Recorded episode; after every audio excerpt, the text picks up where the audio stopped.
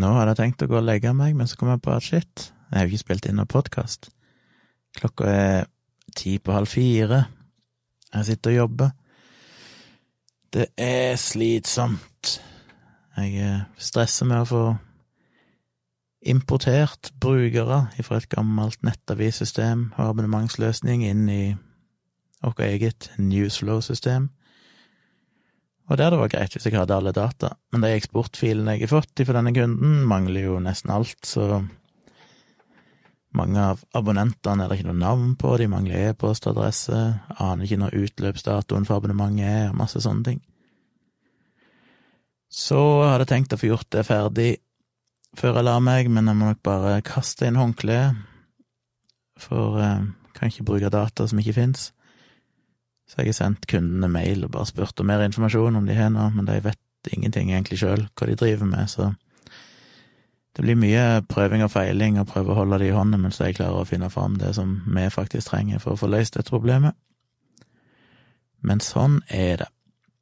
Vi har spilt inn eh, dialogisk i studio i kveld, mandag kveld. Det ble en eh, Ja, gudene vet hva det ble for noe en rar episode, i den forstand at vi hadde en uh, ei som jobba nede i Cern, på, i partikkelakseleratoren nede i Cern i Sveits, og hadde tatt en doktorgrad et eller annet i partikkelfysikk, uh, som jeg kjenner bitte grann fra tidligere, og jeg tenkte hun kunne være interessant å ha med. Så vi diskuterte egentlig bare alt mellom himmel og jord som hadde med partikkelfysikk og litt av hvert, og hun jobber nå i Meteorologisk institutt med noen datasimuleringer og sånn, så vi snakket litt om værmelding og sånne ting òg. Men det var jo litt all over the place, og egentlig såpass komplisert at det er vanskelig å få en fornuftig samtale ut av det. Så det blir en sånn episode sikkert mange kanskje ikke får noe ut av, men så er det alltid en eller annen nerd som syns å, det var interessant det dere prater om, så jeg håper noen syns det er ok. Men jeg hadde ikke noe veldig god følelse etter den episoden, for jeg visste ikke helt hvordan jeg skulle dra det i land. Men det blir iallfall spilt inn. Ellers så har jeg sett uh, siste episode i denne omgang av Folkeopplysningen, som handler om eksperten, om uh, hva det som skal til for å bli kalt en ekspert i Norge, spesielt i media. Og det var jo interessant. Det var en episode jeg ikke hadde vært med å lage, selv om navnet mitt sto i rulleteksten. Eh, jeg tror det var, som jeg har skjønt, som jeg vel har nevnt tidligere, en sånn leftover fra fjor høst. En episode de ikke viste da, men som de hadde oppdatert litt med noen nyere klipp og, og greier, som har skjedd siden den gang. Så det var litt sånn, tror jeg, restemateriale som de hadde Ikke restemateriale, det var en fullverdig episode og en gjennomtenkt episode, men det var noe de hadde allerede begynt på, og som de tilpassa litt til dagens forhold. Og jeg syns det var en veldig god episode, det må jeg si. Eh, jeg syns det er dritinteressant, det her med hvor lite som skal til for å bli kalt ekspert i Norge, og jeg syns jo det var ekstra gøy siden jeg har et eget kapittel i eh, håndbok i krisemaksimering som handler om akkurat det samme. Om eh, media sin bruk av såkalte eksperter, og hvordan de ekspertene som er mm, kanskje flinkest til å formidle poenger og er mest spissa og er mest konkrete og tydelige, er de media helst vil bruke, og bruker oftest, men òg oftest er de som egentlig ikke har så veldig peiling, og ofte, ofte spår feil om framtida. Mens det er ekspertene som er mer nøkterne og nyanserte og bruker litt mer tid på å få fram poengene, blir ikke brukt så ofte, for de passer ikke inn i dagens medieformat. Men det er jo egentlig de en burde lytte til, for de har ofte rett i sine antakelser. Og det skriver jeg jo om i boken min òg, Uh, og så er jeg jo òg Ja, i boka så skriver jeg òg, for det er vel siste kapittel i boka.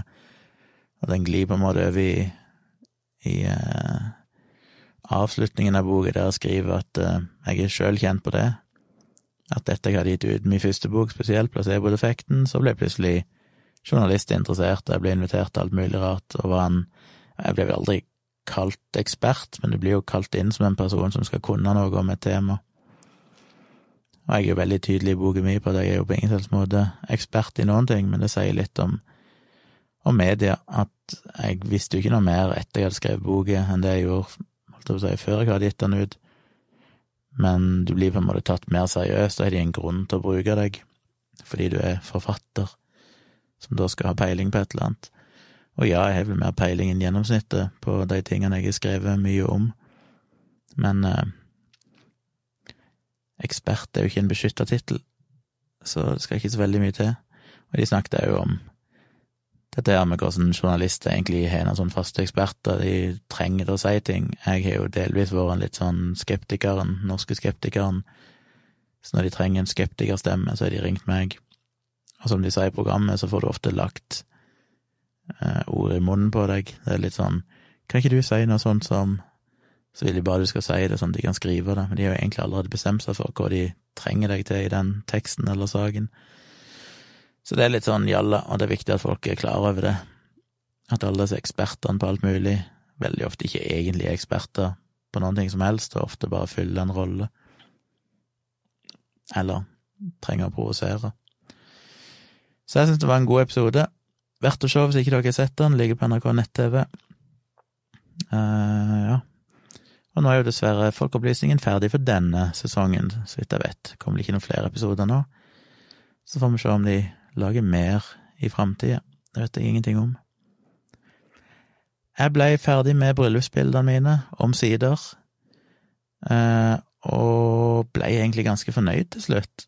Det gjorde liksom hele susen når jeg fikk lagd min egen preset, og med det så mener jeg at jeg lagde på en måte en ferdig eh, innstilling, eller miks av innstillinger, som du kan lage. Altså istedenfor å gå inn på ett og ett bilde og justere kontrast og eksponering og fargemetning og justere alle farger opp og ned og alt det du kan gjøre for å endre et bilde. Så kan du gjøre alle innstillingene, så kan du lagre det som en preset, og da kan du gå på neste bilde, så det bare applyer den preseten, altså som ren magi, så blir alle de titalls innstillingene du har gjort, lagt på det bildet umiddelbart i én operasjon. Og det er viktig, skal en kunne jobbe med bryllupsfoto og sånn, for du kan ikke sitte og manuelt redigere etter et bilde. Eh, men for at sånne presets skal virke, så må jo alle bildene ha et noenlunde likt utgangspunkt. Hvis et bilde er veldig mørkt, et annet er veldig lyst, eller et er en veldig sånn blålig, en sånn kald farge, mens en annen er veldig varm farge, så vil ikke nødvendigvis en preset funke like godt. Så jeg gikk jo først gjennom alle bildene og croppa de, altså beskjært Beskar de, heter det. Beskjærte de. Beskar. Beskjærte. Beskjærte de til det utsnittet jeg ønsker å ha. Det er jo en del bilder som en ønsker på en måte å bare fokusere på en liten del av bildet, så du kan beskjære det og fjerne alt det overflødige. Og så justerte jeg hvitbalansen, altså hvor varmt eller kaldt farge, kalde fargene i bildet er, og justerte litt lys og sånne ting, sånn at alle bildene i stor grad hadde samme utgangspunkt. Eh, sånn noenlunde. Og så lagde jeg en preset, og det var vanskelig, fordi du skal lage en egen look, noe som ser på en måte unikt ut, og som gir en karakter til bildet, gir et eller annet sånn preg. Som det er vanskelig å definere hvis dere hadde sett bildene, så er jeg ikke sikkert dere tenker over at det er gjort noe sånt. Men hvis du sammenligner med originalen, spesielt for eksempel hvis det er et bilde av brudeparet utendørs med grønt gress i bakgrunnen, når, når jeg pleier den preseten, så går gresset fra å være sin naturlige knæsje grønne farge til å bli litt mer sånn gul-grønn, eh, litt mer sånn stemningsfull grønn farge. Så det er jo det jeg har gjort i den preseten, at jeg har justert ja, kontrast og alt mulig sånn, men i tillegg da miksa fargene, sånn at fargene ikke er akkurat sånn som de opprinnelig er. Og så er jo utfordringen da å lage en preset som gjør det, men samtidig ivaretar spesielt hudfarge, for det er det som er så fort gjort, å fucke opp hudfarge. Og du blir litt blind, så jeg første versjonen av preseten jeg lagde, så den la jeg på sikkert 50 bilder eller noe sånt, og så oppdaga jeg plutselig at oi, shit, de ser jo ut som de holder på å fryse i hjel, fordi leppene ble jo helt blå på alle sammen. Og da oppdaga at jeg hadde dratt ned rødfargen eh, eller redusert metninga av rødfarge, fordi det så veldig fint ut, for brudgommen hadde en slags bunad på seg med en veldig sånn rød vest, og den var fin å tone ned litt, så den ikke var så prangende rød. Men da glemte jeg at da tok jeg rødfargen ut av leppene samtidig. Så da måtte jeg justere preseten min og ivareta rødfargen i leppe og litt i ansikt, og så måtte jeg gå over og applye preseten på nytt på alle de bildene. Eh, og så var det jo ganske stor forskjell på bilder som var tatt innendørs i kirka, for eksempel, for de var jo veldig mørke, det er ikke så mye lys der inne, og det er et veldig varmt lys, veldig gult, altså, det hadde jeg allerede justert i forhånd, sånn at de så noenlunde korrekte ut. Men fordi det er så lite lys, så får du en del mer støy i bildet, altså mer eh, ja, støy som i sånn kornete bilde. Og det kan en til en viss grad gjøre litt med i Lightroom, du kan på en måte denoise bildet, altså at han på en form for intelligent vis prøver å redusere alle de prikkene som finnes i bildet, på bekostning av at bildet blir litt mer uskarpt, blir litt mer sånn blurry. Du ser det godt hvis du zoomer veldig langt inn, men når du ser bildet i vanlig størrelse, så ser du ikke så veldig mye til det. Men jeg måtte lage én preset hadde på en måte to versjoner av samme preseten. En som var til bilder med dårlig lys, eller innendørs, og en som var til bilder med godt lys utendørs. Der jeg hadde gjort litt forskjellige innstillinger avhengig av det. Ellers var farger og sånn helt likt. Og mirakuløst nok så funka det, sånn at jeg kunne faktisk bruke samme preseten på bilder som var både inne i kirka, der det var en sånn brun trekirke i Bergen, med veldig mye brune farger og varmt lys, som sagt, eh, og utendørs, der det var helt andre farger.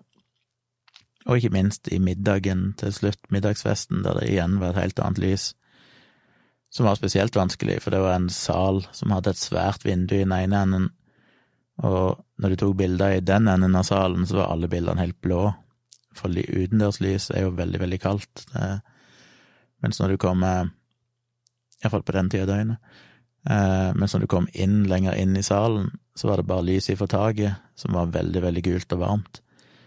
Så det var litt tricky. Eh, men det løste jeg ganske godt, og jeg må rett og slett bare dra vekk blåfargen i stor grad, sånn at alle plassene var veldig blått lys.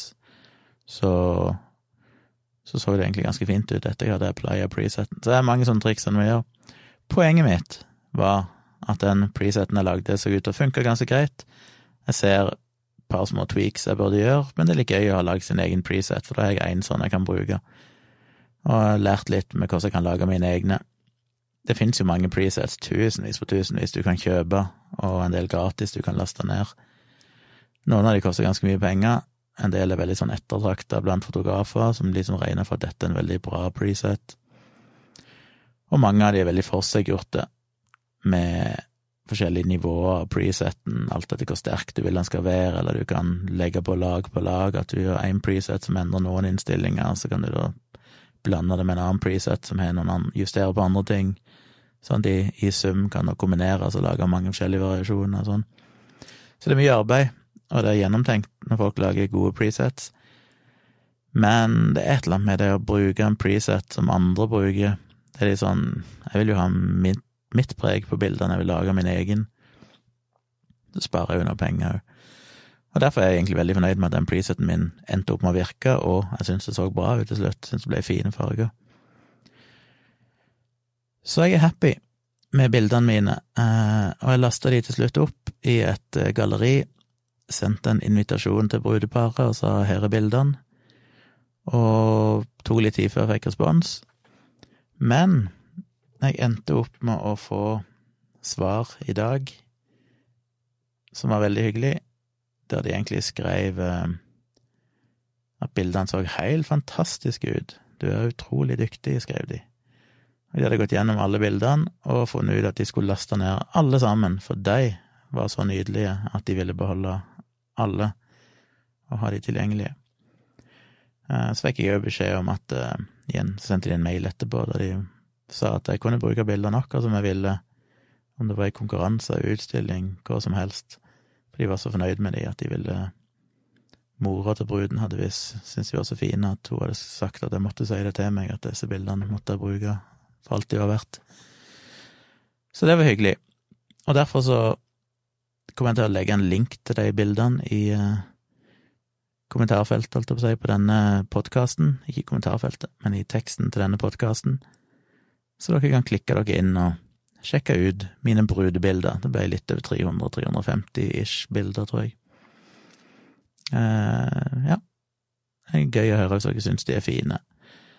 Jeg syns de er bra nok, iallfall, til at jeg, trenger ikke skamme meg for at jeg er en amatør-bryllupsfotograf. Jeg tror, tror det er på høyde med det ganske mange bryllupsfotografer lirer av seg, for jeg har sett litt bilder som jeg ikke er så imponert av fra andre, og eh, hørt rykter om at det er fryktelig mange dårlige bryllupsfotografer. Så det er jo en ting jeg merker meg. Jeg er på ingen slags måte noen fantastisk unik fotograf, men jeg er jo i en del fotografgrupper, og jeg ser en del andre poste bilder enten på Instagram eller på Facebook som de er veldig stolte av, og sier jeg hadde en fotoshoot', bla, bla, med en eller annen modell, og så ser jeg på bildene, så det var sånn, dette her er jo som om de hadde tatt bilde med mobiltelefonen, liksom, det er jo ikke forseggjort, det er ikke redigert noe særlig, sånn, det noe Det gir liksom ingenting. Og da ble jeg litt fornøyd og tenkte sånn, shit, mine bilder er jo faktisk bedre enn det der der. Samtidig så er det jo folk som er helt sinnssykt dyktige, som jeg bare kan drømme om å ta like gode bilder som. Eh, hun Cecilie Banov, som jeg var assistent for i bryllupet, eh, har tatt eh, en del bilder som er helt usedvanlig fine. Jeg må se om jeg klarer å grave dem fram, jeg vet ikke om de ligger på nett, kunne jo lagt en link til det òg. Og det er sånn når jeg ser det, så får jeg litt lyst til å bare gi opp og tenke ja, shit, det her eh, vet jeg ikke om jeg har i meg. Men jeg er iallfall langt ifra blant de dårligste, og det gleder meg å se, spesielt når jeg ser folk på Instagram og sånn som lever av foto, og så er bildene deres litt sånn meh, ikke noe spesielt imponerende på noe selvsagt vis. Så. Så det er gøy å føle at jeg iallfall eh, har noenlunde kontrollen på det, og er såpass fersk at eh, det er et godt utgangspunkt, og så må jeg jo bare lære og lære å bli bedre og bedre. Nå har litt dårlig tid før jeg skal reise til Svalbard, men hadde vært jækla gøy å få redigert noen av de modellbildene jeg har tatt. Jeg klør jo i fingrene etter å få gjort de ferdige, men jeg får se hva jeg rekker. Um, kanskje det ikke blir før neste uke. Så det var min lille bildesaga. Håper dere vil sjekke ut bryllupsbildene. Det er mange, men eh, jeg blir veldig glad hvis dere scroller gjennom de, og, og gjerne sier hvis dere syns de var ok. Og selvfølgelig, hvis noen av dere skal gifte dere, så vet dere hvem dere skal ringe, ikke sant? Um, har det skjedd noe mer spennende? Nei, jeg er som sagt litt stressa fordi jeg reiser til Svalbard på torsdag morgen, og hadde egentlig en plan om å få lansert denne nye kunden kanskje i morgen, men nå som jeg ikke får denne eksporten til å funke, eller importen av abonnenter i nettavisen til å virke, så vet jeg ikke om det går. Og da blir kanskje ikke de så fornøyd, men det får de bare leve med. Eh, for jeg blir nesten litt irritert. De maser litt, men de har jo ikke helt skjønt hvilken jobb vi faktisk gjør for dem, uten å ta ei krone ekstra. Fordi de av ulike årsaker ikke kunne bruke en av de mange velkjente abonnementsløsningene som vi allerede har støtte for, og som alle andre bruker, så kaster vi oss rundt og implementerer en helt ny abonnementsløsning kun for deg, og det er ganske omfattende jobb. Og det gjør vi raskere enn det andre leverandører som de har vurdert, klarer å levere og bare få importert det i sitt eget system. Eh, så det er jo ganske imponerende, egentlig, at vi ja, både bygger en helt ny abonnementsløsning for de, og får de inn der. Og det tror jeg ikke helt de skjønner som kunde. Jeg tror de bare tror de har trykka på en knapp, og så bang, så er dette i orden. De skjønner ikke at vi faktisk nå har jobba i ukevis med å få på plass et system kun for de som ikke de betaler ei krone for. Um, så sånn sett er jeg ikke veldig dårlig samvittighet for at de må vente. Det tar den tid det tar, og jeg kan ikke rulle det ut før jeg føler meg helt trygg på at alt fungerer. For det er risky business, som jeg har sagt tidligere, med å ha tilgang til folk sine bankkort og alt det der. Så ja, eller tilgang og tilgang, men altså, jeg kan gjøre trekk på bankkortene når jeg har den informasjonen som finnes her. Så det er Det får gå som det går. Men jeg gleder meg til å reise til Svalbard, og satser på at jeg ikke blir sjuk eller noe rett i forkant, eller var noe dritt og fått noen symptomer dagen før, og så kan du ikke reise fordi du da er nødt til å ta en koronatest og vente på den før en kan gjøre noe. Eh, på den annen side sett så er jo min største frykt det er jo å reise der og så bli dårlig, for det er noe av det verste som finnes. Én ting er å bli sjuk hjemme, men da er du iallfall hjemme.